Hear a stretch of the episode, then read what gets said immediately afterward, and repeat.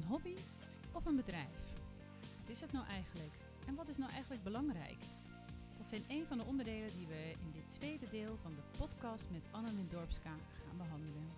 Luister naar het volgende deel van Bakken voor Business met Anna Windorpska.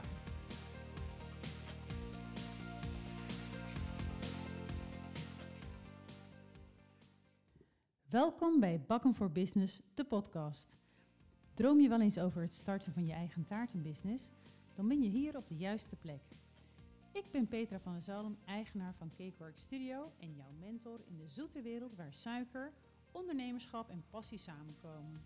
Zet voor nu alle stoorzenders even uit en neem lekker de tijd voor jezelf. In deze podcast praat ik over het ondernemerschap en bespreek ik recepten. Geef een kijkje in mijn onderneming en ik deel tips en tricks om je vaardigheden te verbeteren. Leer je alles over slimme strategieën voor zoet succes. Ook spreek ik met collega's uit de branche over hoe zij hun passie hebben omgezet in een succesvol bedrijf. Zet je schrap voor een leuke rit met inspirerende verhalen van dromers die doeners zijn geworden, net als jij. Of je nou een starter bent of een eigen bedrijf hebt, deze podcast is voor jou.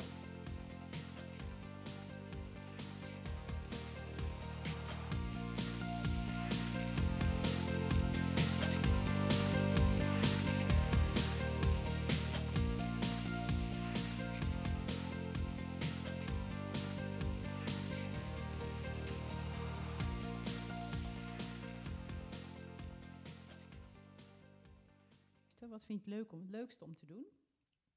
Want jij zegt, ik ben verliefd op suikerbloemen. Wat als iemand jou nou een vrije keus geeft? Dat is natuurlijk heel moeilijk, hè? Want... Oh, ik, als iemand mij echt een vrije keus zou geven, dan eh, zou ik die bestelling niet aannemen. Nee, dat is moeilijk, hè? Eh, nee, dat, ik, dat, die bestelling, dat is een van mijn... eh, eh, als je mij zou vragen welk... Is dat welk een scenario? Eh, Ja, horror is misschien iets te sterk gezegd, maar e- ik zou echt... eh, ik denk echt dat ik die bestelling niet aan zou nemen. Nee. Eh, ehm, maar om, dat komt ook. Ik wil mensen blij maken. Dus dat betekent, ik wil natuurlijk niet eh, dat een klant tegen mij zegt en het, die bloem moet precies in die plek. Maar ik wil wel ergens Een kader. kader krijgen. Ja, ik. Maar ik maak regelmatig inderdaad eh voorbeeldtaarten. En dan mag ik, mag ik zeggen wat ik maar zelf wil. Eh, ik hou van suikerbloemen. Ik, werk sowieso, ik hou sowieso van bloemen.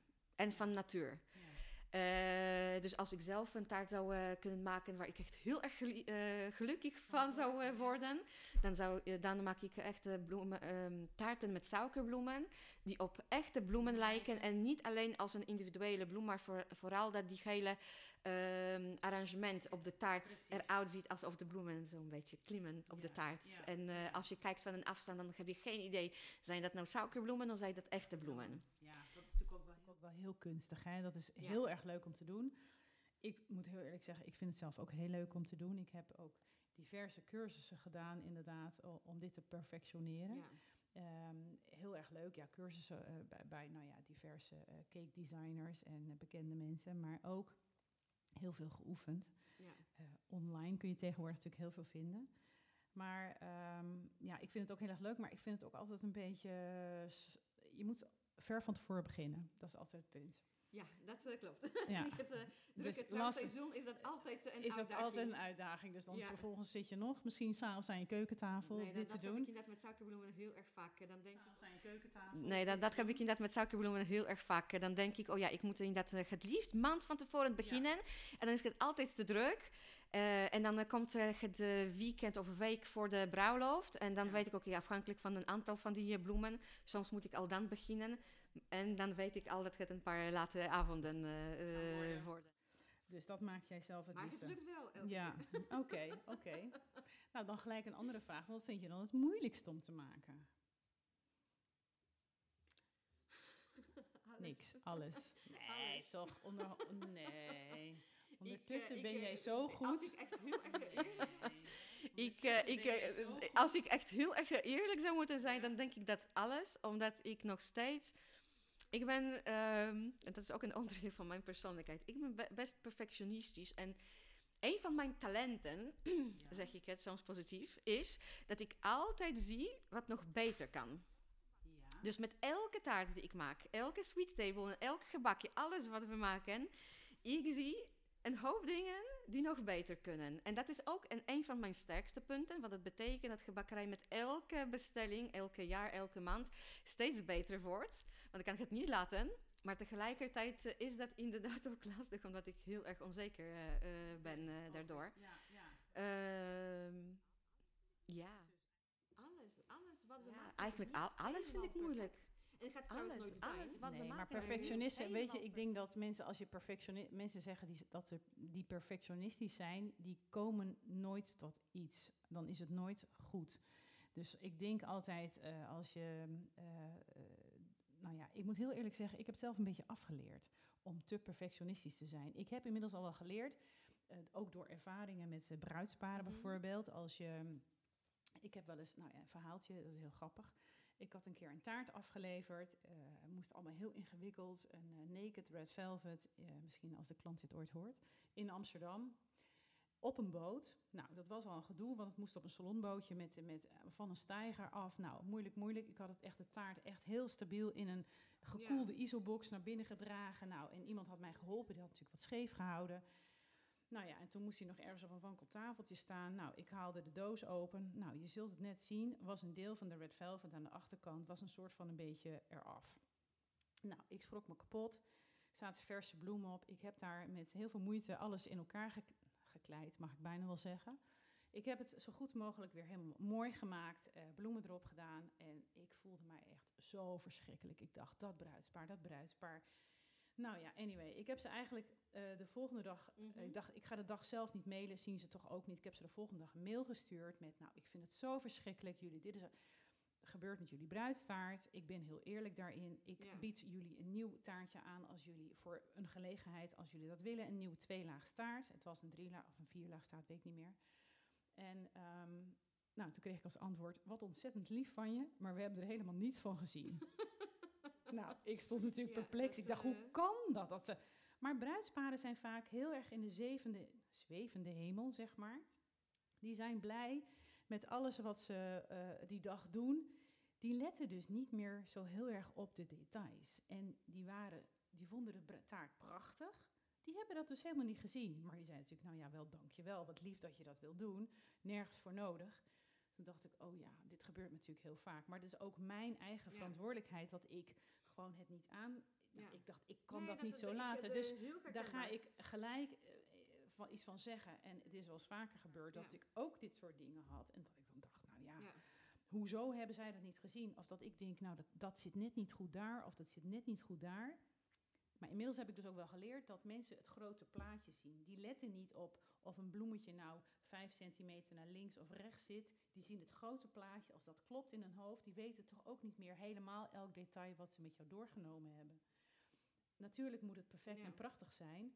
Maar wat voor jou het perfecte plaatje is, dat is voor een klant misschien helemaal niet zo. Die, die En dat ziet daar, ik dat ook elke keer. misschien En helemaal niet zo. Die, die En dat hoop ik ook elke keer. En eh, toch, en toch het je moet, het moet 100% Ja. perfect eh, ooit Nou, voor ooit jou worden. zijn. Nou, dat, dat is natuurlijk ook Nee, maar dat moet, maar- helemaal eens inderdaad. Ook met, dat is ook mijn ervaring trouwens. eh, dat, eh dat bruidsparen over het algemeen.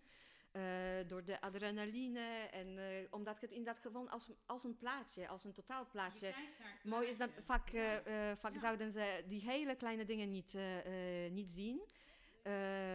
En dat, dat denk ik ook. Maar Toch ik- ik-. Ik zie het wel. En ik Nou, denk dat ook dat het zo. soort van mijn verantwoordelijkheid is om het elke keer proberen perfect te doen. Want als ik probeer 100%, dan kom ik misschien op 90 of 95 en dat is, dat is goed genoeg. Dat, Moeilijke dingen trouwens bezorgen. Maar van dat die dat, moeilijke eh, dingen trouwens bezorgen, blijft een ding. Ik, eh, eh, soms ben ik inderdaad zelf verbaasd. De afgelopen jaar hebben wij eh, 100, iets meer dan 150 bruiloften zelfs gehad. Dit jaar 100. Nou, het is ongeveer ergens eh, die eh, eh, aantal 100, 120 bruiloften dat we per jaar maken. En elke bruidstaart die ik moet bezorgen, of het nou klein of groot is, dat is een hele grote stress. komt het nou goed? nou, Want er oh spelen ja, zoveel dingen. Ja, ik vind het Ja, ondertussen... ik Ik heb, dat ik heb, bij mij nou, ik heb, ik heb inderdaad op je, voor, van jou die, eh, die tip van die goede ISO-boxen met inderdaad waar coole elementen om in kunnen. Nou, die vind ik echt, dat vind ik een werelduitvinding. Ja, dat is inderdaad eh Heel fijn. game Ik- changer. Game changer. Ik heb er ondertussen nog één in een koonvorm. Nou, die is ook fantastisch. Daar past mijn allergrootste vijf, vijf laag Mhm. spruitstaart ook Ja. gewoon in. Nou, ik vind het vooral al een game changer, omdat de taarten gewoon in de box op locatie super veilig staan. Dus dat, eh, en nou ja, ze schuiven niet, ze zitten klemvast. Als je ze goed gedeuveld hebt, gedouweld hebt, Ja. dan eh, eh, voor iedereen die, weet, die niet weet waar we het nu over hebben, je, Ja. een taart die moet je altijd goed ondersteunen. Dus onder elke taartlaag, daar zit een cakeboard en daar zitten douwels of deuvels, stokjes of buisjes die op maat geknipt zijn om de laag erboven goed te dragen. En dan door het midden heen, door de hele taartlaag heen, daar zit ook nog een, een middeldouwel, om het zo te noemen. Dus dan, eh, die zorgt ervoor dat de taart niet heen en weer beweegt. Dus het is echt, eh, elke bruidstaart die je aflevert ziet er zo Ja. uit. Eh, heel grappig altijd, krijg ik, moet ik dan gelijk aan denken. Krijg ik van mensen, heb jij vast ook wel eens de vraag gehad, zit er, van, zit er een bruidspaar bij mij? Iemand die wil dan een fles champagne, hoe heet dat? Chambreren? Chambreren? ch- Sabreren. Nou, in ieder geval Ja. met zo'n sabel, hup, dat ding eraf, de kop eraf slaan. En dan vervolgens eigenlijk met, die, eh, Ja. met dat ding, met die sabel of dat Mhm. zwaard, die taart van boven naar beneden doorsnijden. Nou, dat gaat niet. Nee, precies, dat zeg ik ook altijd. Zijn ze helemaal Nou, teleurgesteld? dat gaat niet. Nee, precies, dat zeg ik ook altijd. Zijn ze helemaal teleurgesteld? maar goed, ook dat het niet kan, want eh, anders zou die niet eh, te vervoeren zijn. Ja. Eh, bij elke bobbel in de weg en elke vlu- nou ja, vluchtheuvel, rotonde, alles wat we hier hebben in Nederland, daar zou die taart mee omvallen. Dus eh, dat gebeurt Ja. niet zo vaak, moet ik toch Ja. zeggen. Of uh, gebeurt niet zo vaak, dat is me nog nooit gebeurd. Gelukkig. Jou wel? Is, Ja. er, is er wel eens eentje omgekukeld? Ja, ja. Oeps. Ja. En toen? Ja. En toen? Nou, het was niet, ja, het is, ik heb sowieso altijd eh, ehm, een soort van rescue kit mee. Dus het is nog eh, nooit eh, gebeurd dat het bruidspaar geen mooie taart eh, gaat om aan te snijden. Maar het is wel gebeurd dat ik dingen moest redden ja, moest redden. Ja, op locatie. Ja. En inderdaad, ook, dat is ook mijn ervaring over het algemeen. merken ze het later niet. Ook als ze dat soort middeltje ook voor mij dan... Ja, die kant op is Ehm, gekomen dat je denkt, nou, ik heb, ik heb er ja. helemaal niks van gezien. Nee, maar dat is jouw eigen idee, feeling, verantwoordelijkheid eigenlijk Ja. voor het product wat je aflevert. ja zeker. Jouw kindje. Ja. Nee, snap ik. Om te weten. Maar wat heb je dan geleerd in het ondernemerschap en hoe ben je op dit niveau gekomen? Want eigenlijk ben jij 13 jaar geleden Mhm. alleen begonnen met het idee, nou, leuke hobby, ik schrijf me in bij de Kamer Ja. van Koophandel. Inmiddels is dat uitgegroeid tot een florerend bedrijf. Een gezond bedrijf eh, ga ik vanuit, met drie medewerkers in dienst. Wat heb je geleerd in het ondernemerschap? Eh, in de allereerste...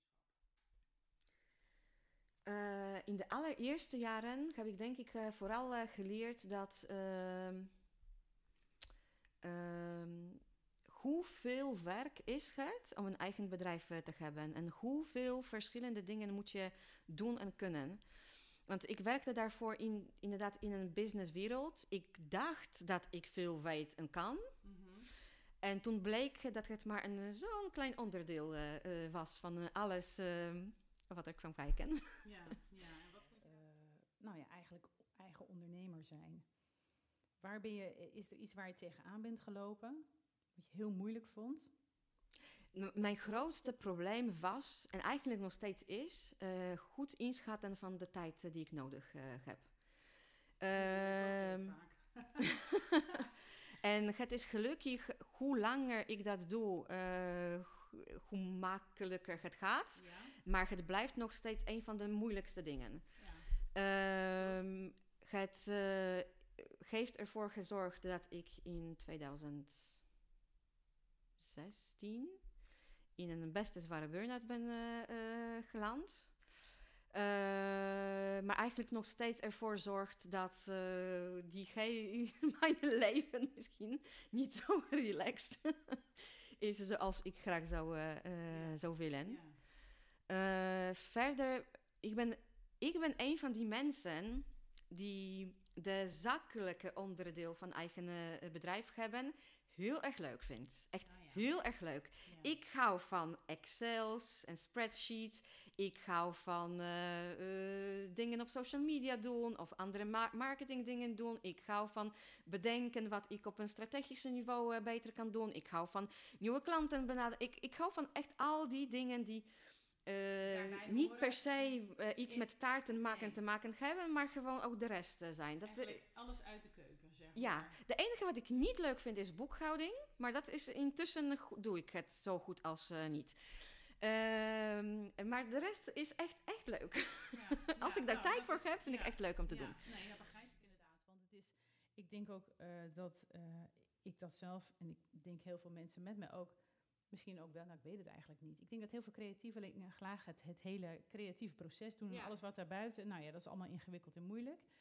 Ehm, maar ik vind dat ook heel erg leuk. Ik ben ook van de Excelletjes en ik hou heel graag mijn statistiekjes bij. En eh, ik vind het leuk om percentages uit te rekenen. eh, Ja. eh, van waar, en te kijken waar mijn opdrachten nou vandaan komen. Van, en hoe dat dan komt. En eh, te verzinnen van hoe dat dan de volgende keer ook daar weer meer vandaan Ja. moet komen. Ja, superleuk om te doen. Vind ik ook hoor, helemaal mee Ja. eens. Maar ik denk eigenlijk dat dat misschien ook wel een van de geheimen is van toch een goede onderneming neerzetten. Dat je ook die aspecten best wel leuk moet vinden. Want als je niet goed bent in het managen van eh, je doelstellingen en je doelen. En eh, kijken op eh, hoe je strategisch iets anders aan kunt pakken. Dan alleen maar jezelf bezig te houden met het maakproces. Mhm. Dus alleen maar het bakproces. Ja, dan daar verlies je het op anders. Oh, Ik eh, weet niet of het per se noodzakelijk is dat je het leuk eh, vindt, maar het is wel noodzakelijk eh, Dat eh, dat, dat, dat het gedaan wordt. ja. En of het nou, eh, nou in één persoonsbedrijf heb je geen keuze, dan moet je het, of, Alles ja, of moet je inderdaad iemand nog inhuren voor zoiets, Ja, eh, eh, niet per se werknemer, maar gewoon externe. Nee, begrijp ik Maar inderdaad. iemand moet het inderdaad doen en goed doen, anders is het geen bedrijf. Anders blijft het hobby. Eh, nou, dat klopt inderdaad. Ja. Want eh, ja, anders blijft het een hobby dat je inderdaad eh, niet, eh, dat je alleen maar je creatieve dingetjes doet en niet wel ziet hoe het verkocht wordt. Dat werkt natuurlijk niet. Nee, snap ik. Nee, goed, het is misschien niet, je hoeft het niet per se leuk te vinden, maar ik denk wel dat het heel erg helpt. Oh, dat Omdat je, Het geldt is altijd als je dingen eh, leuk vindt die je Ja. doet, eh, dan eh, doe je Ja. het met, iets meer plezier. nou, dan kost het ook minder moeite. Alles Ja. wat je leuk vindt om te doen, dat kost minder moeite. Ja. En ehm, ik denk dat de dingen die je niet zo leuk vindt, die doe je dan toch. En op een gegeven moment wordt het ook wel een beetje een meer een gewenning. Ja. Of je moet inderdaad, zoals jij ook zegt, daar iemand voor hebben die jou die dingen uit handen neemt. Ja. En je focussen op de dingen waar je wel goed in bent en die Ja. je heel leuk vindt om te doen. En alles wat niet leuk is, nou, misschien wel een boekhouding, dat je dat dan niet doet. Ik vind Ja. het namelijk wel leuk, maar goed, Ja. eh, ik kan me voorstellen dat heel veel mensen dat niet leuk vinden. Oké. Ehm, nou ja, als ik dan zeg eh zigzaggend naar de top, is dat voor jou van toepassing? Eh, ik denk dat het voor iedereen. ik ken geen enkele succesvolle bedrijf of persoon die zomaar in. to the top. dat, dat, Nee. eh, en als ze dat zeggen, dat betekent eh, dat ze het voor eh, Instagram plaatje zeggen. Dat kan volgens mij niet. Dat is ook zo. Nee, dat, dus ja, zeker van toepassing. Ja. Ehm, dat eigenlijk, ik ben nog steeds, ik, ik zie mezelf zeker niet als op de top. Ik ben nog steeds aan het zigzaggen. Je bent nog steeds aan het zigzaggen. Ja, ik denk dat meeste mensen ook geldt. want Je komt nooit... Er is altijd nog weer iets anders wat je kunt bereiken. Ja. Binnen het vak wat je uitoefent of wat je dan ook doet. Ja. Er zijn altijd nieuwe mogelijkheden te ontdekken. Ja. Hoe je iets anders aan kunt pakken. Of dingen nog... Een nieuwe creatie kunt maken. Ja, het is ook maar net hoe je het bekijkt inderdaad. Oké. Nou, Maar ik denk eh, nog eh, over die eh zigzaggen, want misschien is het ook interessant om te weten wat dan voor mij de grootste zigzaggen waren. vertel. Ik eh, denk dat de allergrootste was eh, eh, die burn-out van eh, 2016. Dat was, nou, dat was moeilijk, zeker omdat ik toen nog alleen werkte. En omdat het heel erg onverwachts kwam. En eigenlijk voel ik de gevolgen nog steeds. Ook omdat de corona het soort van tweede, tweede keer die burn-out op mij liet komen. Maar tegelijkertijd, die burn-out heeft ook ervoor gezorgd dat ik eh, echt een stapje terug moest nemen. En denken, wat vind ik nou ook echt leuk, wat ik doe? En wat moet ik stoppen met doen? Eh, en daardoor is bijvoorbeeld de beslissing eh, gekomen om met werknemers te werken. Een hele goede. Waardoor ik nu veel meer dingen doe wat, wat ik zelf ook gelukkig van eh, word en energie krijg. En eh, de ding, eh, een deel van de dingen gaan Ja, inderdaad naar andere mensen. En zij worden Ja. er ook gelukkig van. Ja. Corona was een hele grote. ehm, ehm, Eye-opener misschien? ik weet Of niet. was het een... Het was, ja, eye-opener denk ik in de zin, ik, eind 2019 weet ik nog, dat een beetje eind van het jaar deed ik soort van review hoe dat allemaal is gegaan. En ik dacht, oh, wat zitten wij goed eh, op de weg. En we zijn, en eh, ik heb ook klanten die van meerdere plekken komen, samenwerking met meerdere locaties. Eh, dan zitten wij goed stabiel. Er is niet echt een reden dat die omzet opeens omlaag kan komen. Mhm. En toen kwam corona en toen dacht ik, oeps, toch van één plek. Want iedereen was van de trouwbranche. En het maakt niet uit dat het van meerdere eh, bronnen eh, eh, mensen mij konden vinden, of van meerdere locaties, of van meerdere andere leveranciers die uh, gebakkerij uh, aanbevelen. Het was, de hele branche ging opeens weg. Uh, dus in die zin was dat wel een eye-opener dat ik toch nog niet genoeg. Uh, um, nou, oh, ik ben nu de woord uh, aan het zoeken.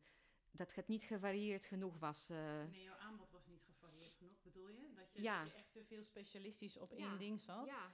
Dat je inderdaad een kleine niche had in alleen die bruidstaart en sweet tables en voor de rest eigenlijk niks. Dat is en bruiloften, een kleine uh, niche. Ja. Uh, om een gezonde bedrijf uh, te hebben. Of is het in dat soort situaties is dat echt een groot risico. Uh, dus in die zin, ik, ik hielp, hielp, het zeker. Ja. Moet ik zeggen dat, dat als ik uh, zou zelf kunnen kiezen, zou ik het liever op een andere manier willen leren. Uh, en uh, ik denk dat de uh, derde is, en dat is eigenlijk nog steeds een probleem, en dat is hoe zorgen ervoor dat die bedrijf inderdaad rendabel blijft. En is, is en blijft. wordt, blijft. Ja. ja. want toen ik nog alleen werkte, het was wel leuk met die bruidstaarten, dat ik soort van half jaar had dat met dat je echt hard moest werken en dan half jaar uh, een soort van bijna vakantie, wel met uh, afspraken en dat soort dingen, maar het was echt niet te vergelijken met uh, hoeveel werk dat was in de zomer. Maar met werknemers werkt het anders. Want de salaris en belasting en huur en van alles, dat wordt het hele jaar betaald. En dat zijn flinke kosten. Ja, ja, dat klopt. Dat is um, van jouw, en dat betekent dus dat ik inderdaad alleen bruiloften niet genoeg zijn om een bedrijf te hebben die de hele jaar rendabel blijft. Nee, nee, nee duidelijk. Dus je hebt keuzes moeten maken en die keuzes werden eigenlijk nou ja, die, de, de, keuze werd niet voor jou gemaakt, maar uh, de periode, uh, er is wel ruimte gecreëerd door, uh, door, door, ja, door een keer die burn-out en toen nog eens een keer corona, waar je, nou ja, eigenlijk, eh, dat heb ik ook gehad, de hele agenda werd in één keer leeggeveegd. Ja. Eerst leek het nog een beetje van, we gaan wat verzetten, verschuiven. Ja. Nou, toen kwamen er geen mensen meer bij. Al mijn buitenlandse bruidsparen gingen in één keer allemaal afzeggen, want die durfden ja. helemaal niets meer aan. Nee, dat, uh, Bleef er nog een beetje over en toen was het zo dat er de mensen die dan nog wel alles door lieten gaan, die dan maar 30 gasten op hun bruiloft mochten hebben. Nou ja, dat schiet natuurlijk niet op als je van 100 naar 30 gasten gaat. Um, hè, iedereen kan uitrekenen dat uh, de oven ongeveer net zo lang moet draaien. En je bent qua tijd wel ietsjes meer bezig, maar eigenlijk is een grote opdracht natuurlijk veel interessanter dan een kleinere opdracht. Ja. Dus ja, al die kleine opdrachtjes, dat, dat liep ook niet. Ja, ik heb een beetje hetzelfde meegemaakt. Um, ik kan me heel goed voorstellen als jij een bedrijf hebt met, met werknemers, dan moet je continuïteit uh, bieden. Uh, of tenminste, je moet continuïteit aan, aan uh, vraag hebben van jouw producten. Dus mm. dan moet je natuurlijk veel meer gaan richten op andere dingen. Maar dat doe ja. je natuurlijk ook heel erg, want jij bent op inmiddels. Wel, ja. ja, jij bent heel erg gespecialiseerd, zag ik al in de, de Sinterklaasperiode. Heb je heel veel dingen aangeboden: chocoladeletters, sweetboxes, et cetera. Je hebt met kerst doe je nou een soortgelijk iets. Waardoor er natuurlijk toch ook in deze, zeg maar, slome maanden ook voldoende inkomen binnenkomt om jouw bedrijf gezond te houden. Ja. Nou ja, en dan hebben we zometeen natuurlijk nog weer eh, al die, die feestdagen. En daar doe je geloof ik ook wel aan mee, hè? Moederdag, eh, Pasen een beetje. Moederdag varieert een beetje, afhankelijk hoeveel we hebben. Oké, ja, maar dan wordt het alweer druk inderdaad. Uh, want uh, af, dit jaar volgens mij hebben we niks of zo goed als niks uh, gedaan. Het was echt heel erg druk. ja, nou ja, heel goed. ja, nee, dat, dat klopt. maar inderdaad, moederdag, dat is altijd een vraagteken of wij iets doen. Maar inderdaad, met Valentijnsdag ook een van mijn favorieten. Ah, 14 februari is weer zover, dus uh, ja, maar inderdaad met feestdagen uh, probeer ik ook altijd uh, ja. wat assortiment, speciaal assortiment ja. te hebben. Maar we doen ook intussen best veel verjaardagstaarten of kleine gebakjes. ja, voor, voor aan baby showers, geboorte, gender reveal, ook dat soort dingetjes. Ja. nee, begrijp ik inderdaad dus dat is wel, het was wel een enorme leerschool, inderdaad, die hele corona. Uh, ik denk dat dat voor heel veel mensen uh, heeft uh, eigenlijk wel een. een, een um, de, heel veel mensen hebben een tijd kunnen nemen om een verse blik op een bedrijf te werpen, hoe ook niet leuk het was. Ik heb het ook gedaan. Ik heb, denk ik hetzelfde als jij, een mm. beetje gedaan, gekeken van, nou, wat doe ik nou eigenlijk allemaal? Wat wil ik nu eigenlijk? Ik heb uh, mijn website omgegooid, een nieuwe look en feel en whatever gemaakt, zodat ik dacht, nou, ik kan met deze look en feel bedien ik veel beter de markt waar, die ik wil bedienen. Ja. Um, ja, en zo ga je maar door inderdaad. Maar goed, het was ja. natuurlijk niet leuk. Het was een... Nee, een, nee maar dat is inderdaad ook... Uh, dat is denk ik ook een onderdeel om een succesvolle bedrijf te hebben. Dat dat soort tegenslagen, die blijven maar komen. Want een paar jaar geleden was het corona. Toen kwam grote inflatie wie weet wat er straks uh, weer gaat uh, ja. komen. Er komt altijd iets. Uh, ja, je en je moet gewoon wat meer flexibel worden. Nou, zijn. Ja. Ook weer creatief in, de, in, de, in hetgeen wat je aanbiedt. En ook heel goed voor ogen houden. Wat wil ik, wat wil ik wel, wat wil ik niet. Want paniekvoetbal, inderdaad, als je denkt van nou jeetje, het is inflatie inderdaad, is ook zo'n voorbeeld. alle producten die wij gebruiken voor Hè, ons, uh, ons gebak, dat is enorm in prijs gestegen. Ja. Dat is echt niet normaal. Uh, zelfs gebakdozen, ik weet het nog wel, er was gewoon een groot gebrek aan karton. Kon niet eens dozen bestellen. Uh, de, de, de, ja. hoe heet dat, de, de cakeboards en drums waar de taarten op staan, gewoon niet meer in de kleuren voorradig die ik graag wilde hebben. Lastig allemaal. Maar goed, um, hopelijk uh, blijft het wel een beetje beter. Ik weet het ook niet. Het is allemaal nee, zo nou, ingewikkeld. Dat tegenslagen als, als, corona, dat hoop ik ook uh, dat het er nooit meer uh, komt. Want, Het was niet zo heel erg leuk, nee. Nee, nee maar goed. Het heeft, heeft, heeft wel geholpen, denk ik, ook weer om goed na te denken over de stappen die, wil, die je wilde gaan zetten. En eigenlijk jouw langetermijn planning um, wat duidelijker voor ogen te hebben. Um, want inderdaad, je kan altijd heel kort denken, maar dat werkt ook niet zo goed. Uh, lange doelen stellen, korte doelen, nou ja, hè, korte termijn mm. planningen, uh, ja. lange termijn. Um, en wat zijn jouw plannen voor, um, als we het daar toch over hebben, voor volgend jaar, voor 2024? Bedoel je wat ik graag zou willen ontwikkelen? Wat zou je, nou, je, wat zou je graag nog uh, op creatief vlak willen ontwikkelen? En wat zijn jouw bedrijfsdoelen? Um, ik had nog uh, door al die drukte niet echt tijd om het zo duidelijk op te schrijven. Maar uh, ik uh, blijf sowieso een, de grootste fan van de trouwbranche. Dat, dat is echt mijn lievelingsonderdeel. Um, en dat wil ik volgend jaar nog beter doen dan wat we dat al deden. Uh, denk ik met grootste focus om uh, nog beter worden in suikerbloemen. Dat staat echt op mijn lijstje en dat uh, ben ik nu al aan cursussen aan het plannen bij nou, mijn echte bedrijven die ik volg. en die het beter doen dan ik. Uh, maar ook de sweet tables, da daar wil ik uh, ook echt uh, patisserie kunstwerkjes neerzetten die en nog lekkerder en nog mooier eruit, eruit zien. Ja. Ehm, voor volgend jaar is ook een grote plan om de zakelijke wereld te veroveren ah. met onze gebakjes. Um, en uh, verjaardagstaarten uh, blijven maken uh, en ook wa ja, wat bredere range te hebben. Ja. Um, oh, ik vind dat je al best wel een aanbod hebt inderdaad. Best wel veel keus. En, en aan, aan, aan smaken ook, maar ook aan vorm, smaken, formaten, ideeën. eh, als ik op jouw website kijk, dan denk ik, nou, Ja, maar het is kan nog nog niet beter. perfect. Nee, hebben we Anna weer. Het kan beter, kan altijd beter. Ja, ik heb eh, op dit moment nog het gevoel dat het... eh, ehm, met bruidstaarten heb ik meer het gevoel dat als je kijkt naar onze portfolio, dat het... eh, ik krijg tenminste een beeld dat, ik, dat klanten weten wat ze, wat ze bestellen. En dat we echt een redelijk duidelijke stijl hebben. En dat hebben wij bij verjaardagstaarten nog niet. Eh, dat wil ik wel Nee. iets eh, duidelijker eh, maken. Dus Ja. ik heb heel veel onderwerpen in mijn hoofd die we gewoon moeten maken. Want ja, als, als ik iets zelf wil laten zien, dan moeten we het maar zelf maken en niet hopen dat iemand dat bestelt. Maar daar moet je ook tijd voor. Ja, vinden. Je, ja, dan moet je tijd voor vinden, want ja, dat, dat gebeurt mij ook vaak. Maar goed, ik eh, doe niet zo heel veel op de... eh, ik doe wel verjaardagstaarten en feesttaarten en uh, bruidstaarten, maar ik heb eh, kerst en Sinterklaas even overgeslagen.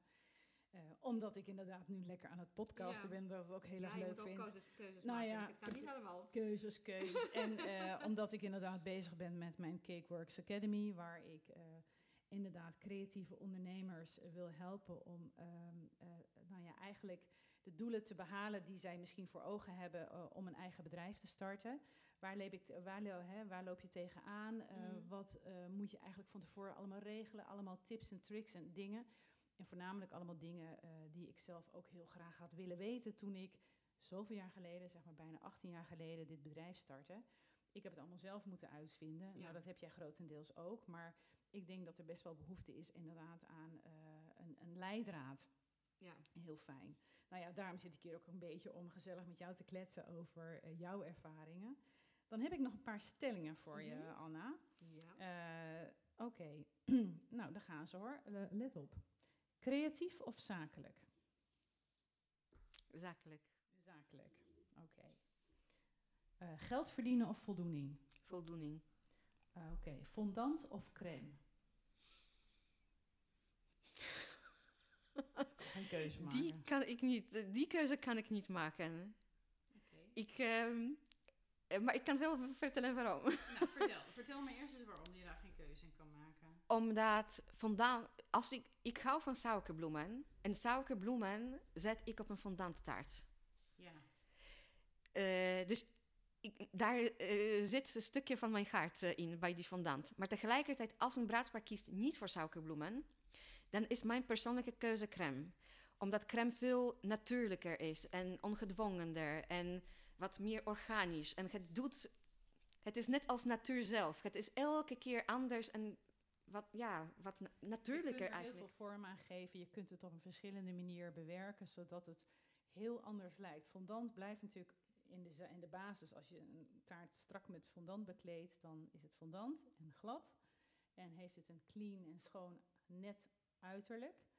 Eh, natuurlijk kun je daar met kleur ook nog van alles mee doen. En je kunt ook fondant wel gebruiken voor eh, ruffels. En eh, dat doe ik namelijk heel graag.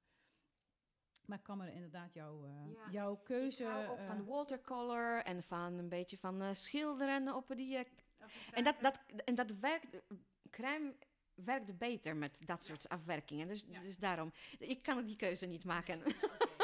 Gelukkig maar. En dan taart of cupcakes? Taart. Taart. Sinterklaas of kerst? Ook kerst. Kerst. Oh, Maar, sorry, al. Dat, maar dat is, eh, het geeft niks met... eh, ik hou van Sinterklaas vanaf het moment dat ik naar Nederland eh, kwam. Maar ik ken het niet van mijn kindertijd. En daarom kerst. Kerst is, kerst is mijn. Ja, Ja. dat snap ik inderdaad. Nou, ik zit hier thuis eventjes voor jullie info bij Anna thuis. En daar is het inderdaad ook echt kerst. Heerlijk. Oké, nou, daar gaan we. Verse bloemen of suikerbloemen? ik kan die keuze ook niet maken. Keuze. Nee, ligt natuurlijk sorry. aan waar het op gaat. Je vertelt het net al, suikerbloemen doe je op een fondanttaart. Verse bloemen kunnen ook op fondant, maar ook op crème.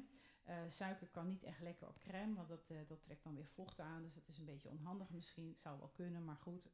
Ik doe het op het laatste moment. Dat zou best eh, kunnen. Maar ik vind het mooier. Soort van beter passend. Ja, ik maak die keuze, suikerbloemen versus verse bloemen. Ik maak het op basis van het gesprek met het bruidspaar. Want er zijn bruidsparen die verse bloemen moeten bestellen, omdat het gewoon past. En er zijn bruidsparen die moeten met suikerbloemen gaan, omdat het beter bij hun past. Nou, dat vind ik ook wel heel leuk. Want dat, dat- ik kan me dat helemaal voorstellen hoor. Want dan heb je een bruidspaar tegenover je. En dan vraag je natuurlijk ook van, hè, hoe ziet jullie dag eruit? Ja. Hoe zijn jullie? En dan kom je wel, dan heb je wel een beetje dat gevoel Ja. al van dit gaat die kant op en dit gaat die kant op. En dan soms laten ze wat plaatjes zien en dan weet je gelijk, nou dat moet Ja. dit worden. Dan is natuurlijk ook nog de vraag, vinden ze het lekker? Want bij mij heel vaak zeggen ze, ja maar ik vind het niet lekker. Maar dan vertel ik hem dat ze maar een heel klein reepje fondant eigenlijk krijgen.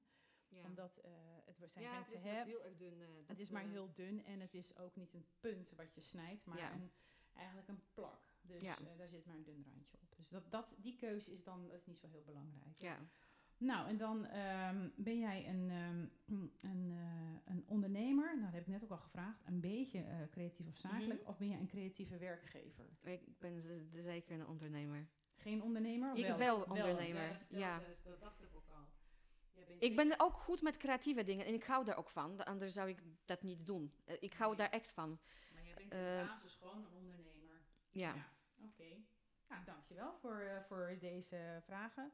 Nou, ik had inderdaad nog een heel eh, vragenlijst over mijn favoriete koekje, de macaron.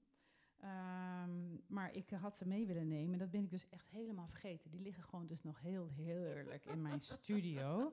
Ik dacht, we gaan even een smaaktestje doen. Volgende keer. Ik ga gewoon nog een keer langs bij Anna. Gaan we macarons proeven. Misschien voor een volgende keer. Dus die slaan we even over. Ehm, nou, dan eventjes als nog een paar afsluiters inderdaad. Ehm, eh, zou je anders dingen anders hebben gedaan eh, als je meer informatie had gehad van tevoren? Voordat je je gebakkerij bent gestart. Zou je dingen anders hebben gedaan? Eh, ja, ik zou sowieso veel sneller prijzen omhoog doen. Ja. Ehm, nou, je wil niet weten met welke prijzen ik ben begonnen. Ehm, Nou, ik wil het ook niet meer weten. Oh, gelukkig. Eh, maar dat zou ik echt veel eerder doen, eh, eh, omdat het, nou, hoe lager de prijzen, hoe meer moet je werken om een bepaalde omzet te hebben, hoe grotere kans krijg je om in een burn-out te komen. Doe niet. Ehm, Ja, dat is een beetje de ja, samenvatting. ja, nou, dat, dat is natuurlijk ook zo, want je moet gewoon heel erg veel doen. En eigenlijk doe je alle handelingen eh, wel net zo. En ik denk ook dat het echt zo werkt. Het, het kan gewoon, ze zeggen wel eens massa is kassa, maar eh, dat geldt voor ons niet, omdat wij Nee, allemaal het is een eh, handwerk. handwerk Bij handwerk kun je niet tegelijkertijd handwerk en massa hebben. Het is onmogelijk. Het zijn twee verschillende bedrijfsmodellen. Nou, dat klopt helemaal, inderdaad. Dus voor handwerk en creativiteit en kennis en kunde, daar moet gewoon voor betaald worden. Zo simpel is het ook nog eens Ja. een keertje, inderdaad. Ja, ben ik het helemaal mee eens.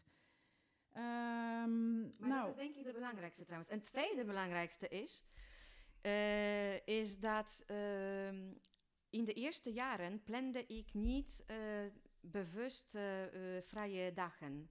Waardoor ik zeven dagen in de week en ook avonden en dat soort dingen werkte. Ik vond het ook leuk, maar het eindigde ook in een burn-out. ja, kreeg je geen klachten van thuisfront? Ik heb een hele begripvolle man en dat geeft voordelen en nadelen. Ja, Het geeft voordelen omdat je niet klaagt, maar het geeft nadelen.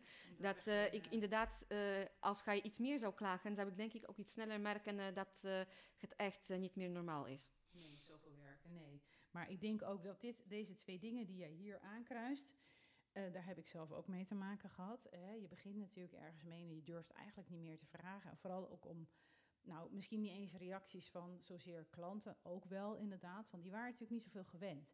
Dus dan gingen ze de taarten vergelijken met Mhm. bijvoorbeeld een, eh, nou ja, om heel, nou, niet oneerbiedig, maar Hema-taart is ook lekker. Maar even om te zeggen over een Hema-taart. Een Hema-taart is natuurlijk niet handgemaakt. Dat is Nee, gewoon, is dat komt natuurlijk als een massaproductie. Dus dan werden die prijzen daar een beetje mee vergeleken. En dan zei ja, maar zoveel, dat is wel heel erg veel. Nou, dan voelde ik me natuurlijk bezwaard. Dus heb ik heel lang eh, dat niet gedaan. Ook omdat als je begint, dan, ja, wie is jouw klantenkring? Dat zijn toch vaak wel een beetje mensen om je heen. Dan durf je natuurlijk je prijzen ook niet zo hoog te zeggen. Maar eigenlijk is het ehm, juist heel goed om vanaf het begin af aan duidelijk te zijn over je prijzen. Dat dit het kost, dat het niet zo kan zijn dat de ingrediënten van jouw taart al duurder zijn dan waarvoor je hem wegdoet. Nou, Dat kan natuurlijk Dat niet. ga ik nog niet, Nou, moet ik zeggen. Maar wat ook voor mij echt eh, eye-opener was, Ja. eh, was toen ik de eerste werknemer ehm, eh, had. Ja. dan zie je pas dat het, hoeveel één uur kost. Want dan kun je dat niet meer doen. Oh, maar ik doe nog extra uurtje. Dan, ja, dan, dan heb je eigenlijk geen keuze. Dan moet je de Ja. juiste prijzen op een gegeven moment vragen, omdat anders, anders eh, heb je inderdaad dat soort situatie dat een taart maken kost je meer dan eh, wat je krijgt. Ja. En heel erg snel. Want eh, de, de- nou, als iemand denkt over werknemers, dan moet, Ja. ga je echt schrikken hoe duur dat is. Nou, dat klopt, daar weet ik ook inmiddels ook heel veel van. Ehm, ja, en inderdaad dat bewust vrije dagen en avonden inplannen, dat heeft ook alles inderdaad te ma- maken met dat je niet alles moet aannemen en dat je ook eh, bepaalde dingen moet doen ehm, die ook echt wel geld opleveren. En het moet nog leuk blijven ook. Ja. Ehm, ik heb ook wel eens gehad dat ik, eh, toen ik nog een, eh, een, een, winkel ook had, dat ik zei van, en die was heel dicht bij mijn huis, en dat ik dan zei van, nou, s'avonds om acht uur, ik moet nog even een uurtje iets afmaken. Nou, dat werd dan gewoon niet. Ja, Dan ging ik om acht uur Dus s'avonds nooit één heen. uurtje. Nee, dan was ik om drie uur s'nachts nog niet thuis. En dat is natuurlijk ook keuzes, hè. Van, Ja. het is, is, want jij hebt ook geen winkel, je hebt een studio waar Ja. alleen maar eh, maatwerk en in opdracht wordt gemaakt. Ja. Is dat een bewuste keuze trouwens Ja, heel geweest? bewust. Ja, nou ik snap hem heel goed hoor, want dat was Ik, inderdaad ik wil mijn, niet eh, zeggen dat nooit, eh, want die idee dat mensen gezellig naar mij komen en een gebakje nemen en even zitten met koffie en zeggen, oh wat is dat lekker, dat spreekt me enorm aan. Ik zou dat heel erg graag ooit willen hebben. Eh, maar ik weet dat op, op dit moment weet ik, het is zo'n andere business en zoveel kosten en ook heel andere manier van bedrijf hebben dan wat we op Ja, dit moment hebben. Ja. Dat, dat eh, staat zeker niet eh, voor 2024 op een lijstje. Nee, nou het is ook inderdaad, het is altijd een romantisch idee van, oh heerlijk, ik ga zo'n lekker gebakje eten in zo'n fijne, fijn restaurant. Of in ieder geval een lunchroom of een tea room of hoe je het dan ook voor je ziet. Nee, dat is helemaal waar. Nou, dat had, dat had ik dus. En wat Ja. gebeurde er? Wij waren maar met z'n tweeën. En dan vervolgens stonden we een beetje met eh, de klanten, die, die wilden ook een praatje maken. Dat Ja. gebeurde dan ook. En dat is leuk. En dat is heel leuk, maar vervolgens Maar deed ik niet tijd. meer het wat ik daadwerkelijk moest doen. En dat Ja. was dus, eh, gaf dus als gevolg dat ik dus om acht uur s'avonds nog Ja. even naar mijn werk moest. En vervolgens s'nachts die bruidstaarten stond af te maken. Toen dachten wij, eh, Nico, ik deed het samen met Nicolette, die weet Mhm. dat ook vast nog heel erg goed. Dat, ehm, eh, dat we toen hebben gezegd, nou, dit is niks. Ja. Hier stoppen we mee. Dus we hebben toen de stekker eruit getrokken Ja. uit dat onderdeel. En eh, Nicolette is haar eigen gang, die was er helemaal klaar mee. Die is weer ehm, een hele andere richting opgegaan, of eigenlijk het onderwijs in. En ik eh, ben teruggegaan naar mijn oude stek. Heerlijk. En hebben ze even heel goed nagedacht over hoe dat allemaal moest. En dat was voor mij ook een enorme eye-opener. Dat je dus Ja. niet alles kunt. En zeker niet alleen of met z'n tweeën of met z'n drieën. Hadden nog iemand in dienst in het begin. Ehm, is allemaal heel erg lastig, inderdaad. Ja. Nou, jeetje, wat een gesprek hebben we hier over, het, Ja. eh, over onze business. maar niet dat mensen nou denken dat het niet leuk is. Het is echt super leuk. Maar ja, eh, zoals in Oh nee, elke- ik hoop dat mensen het horen in mijn stem dat ik nog steeds mega enthousiast Nou, ben. klinkt- je ziet het- Jullie zien het misschien niet, maar Anna zit heel erg te lachen Ja. Die, is, die is heel blij. Nee, met, dat eh, is, eh, dat is ook wat eh, iets wat ik ook hoor eigenlijk al jaren en nog steeds ook van mijn klanten. ja. is dat ze ook een van de redenen waarom ze voor gebakkerij eh, kiezen, is omdat ik zo enthousiast ben. En ik ben echt serieus enthousiast. En al die stress en al, die, al die lange uren, het is het echt meer dan waard. ja. ja. Dat is het echt meer dan waard. Nou, kijk eens aan. Is er dan nog één laatste dingetje wat je tegen thuisbakkers zou willen zeggen die eraan denken om misschien ook een eigen onderneming te starten? Eh, ja. Komt hoor. Let op nu. Nu komt het. Eh, ja, tenminste. Ik denk sowieso dat als iemand denkt om het te eh, beginnen, gewoon doen. Want als je het niet probeert, dan weet je ook niet of het bij je past. Eh, maar mijn advies zou zijn om het vanaf dag één eh zien als een eh, bedrijf en niet als een hobby. Want je doet en jezelf eh, ehm, Tekort? tekort, maar ook de rest van de branche. Ja. Nou, helemaal mee eens. Eigenlijk Helemaal mee klanten ook. Ja. Nou, ik vind het een uh, super goede afsluiter. Dankjewel Anna voor dit Ja, gedaan. Met inspirerende alle gesprek. plezier. Nou, superleuk dat ik bij jou thuis mocht komen.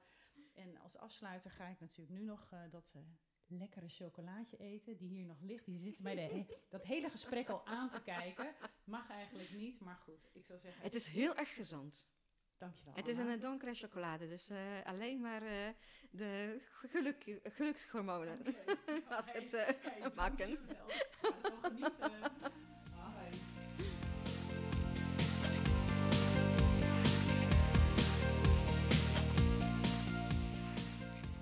Dit was dan het tweede deel met Anna van Gebakkerij over onder andere doelen stellen, hoe voorkom je dat je overwerkt raakt en heel veel andere leuke dingen. Je hebt kunnen horen dat we enorm hebben gelachen ook, en, eh, want het blijft een hele leuke business natuurlijk. Mocht je vragen hebben over deze aflevering of heb je nog wat andere vragen aan mij, dan kun je mij bereiken op petra.cakeworks.nl. En voor nu, bedankt voor het luisteren en tot de volgende keer.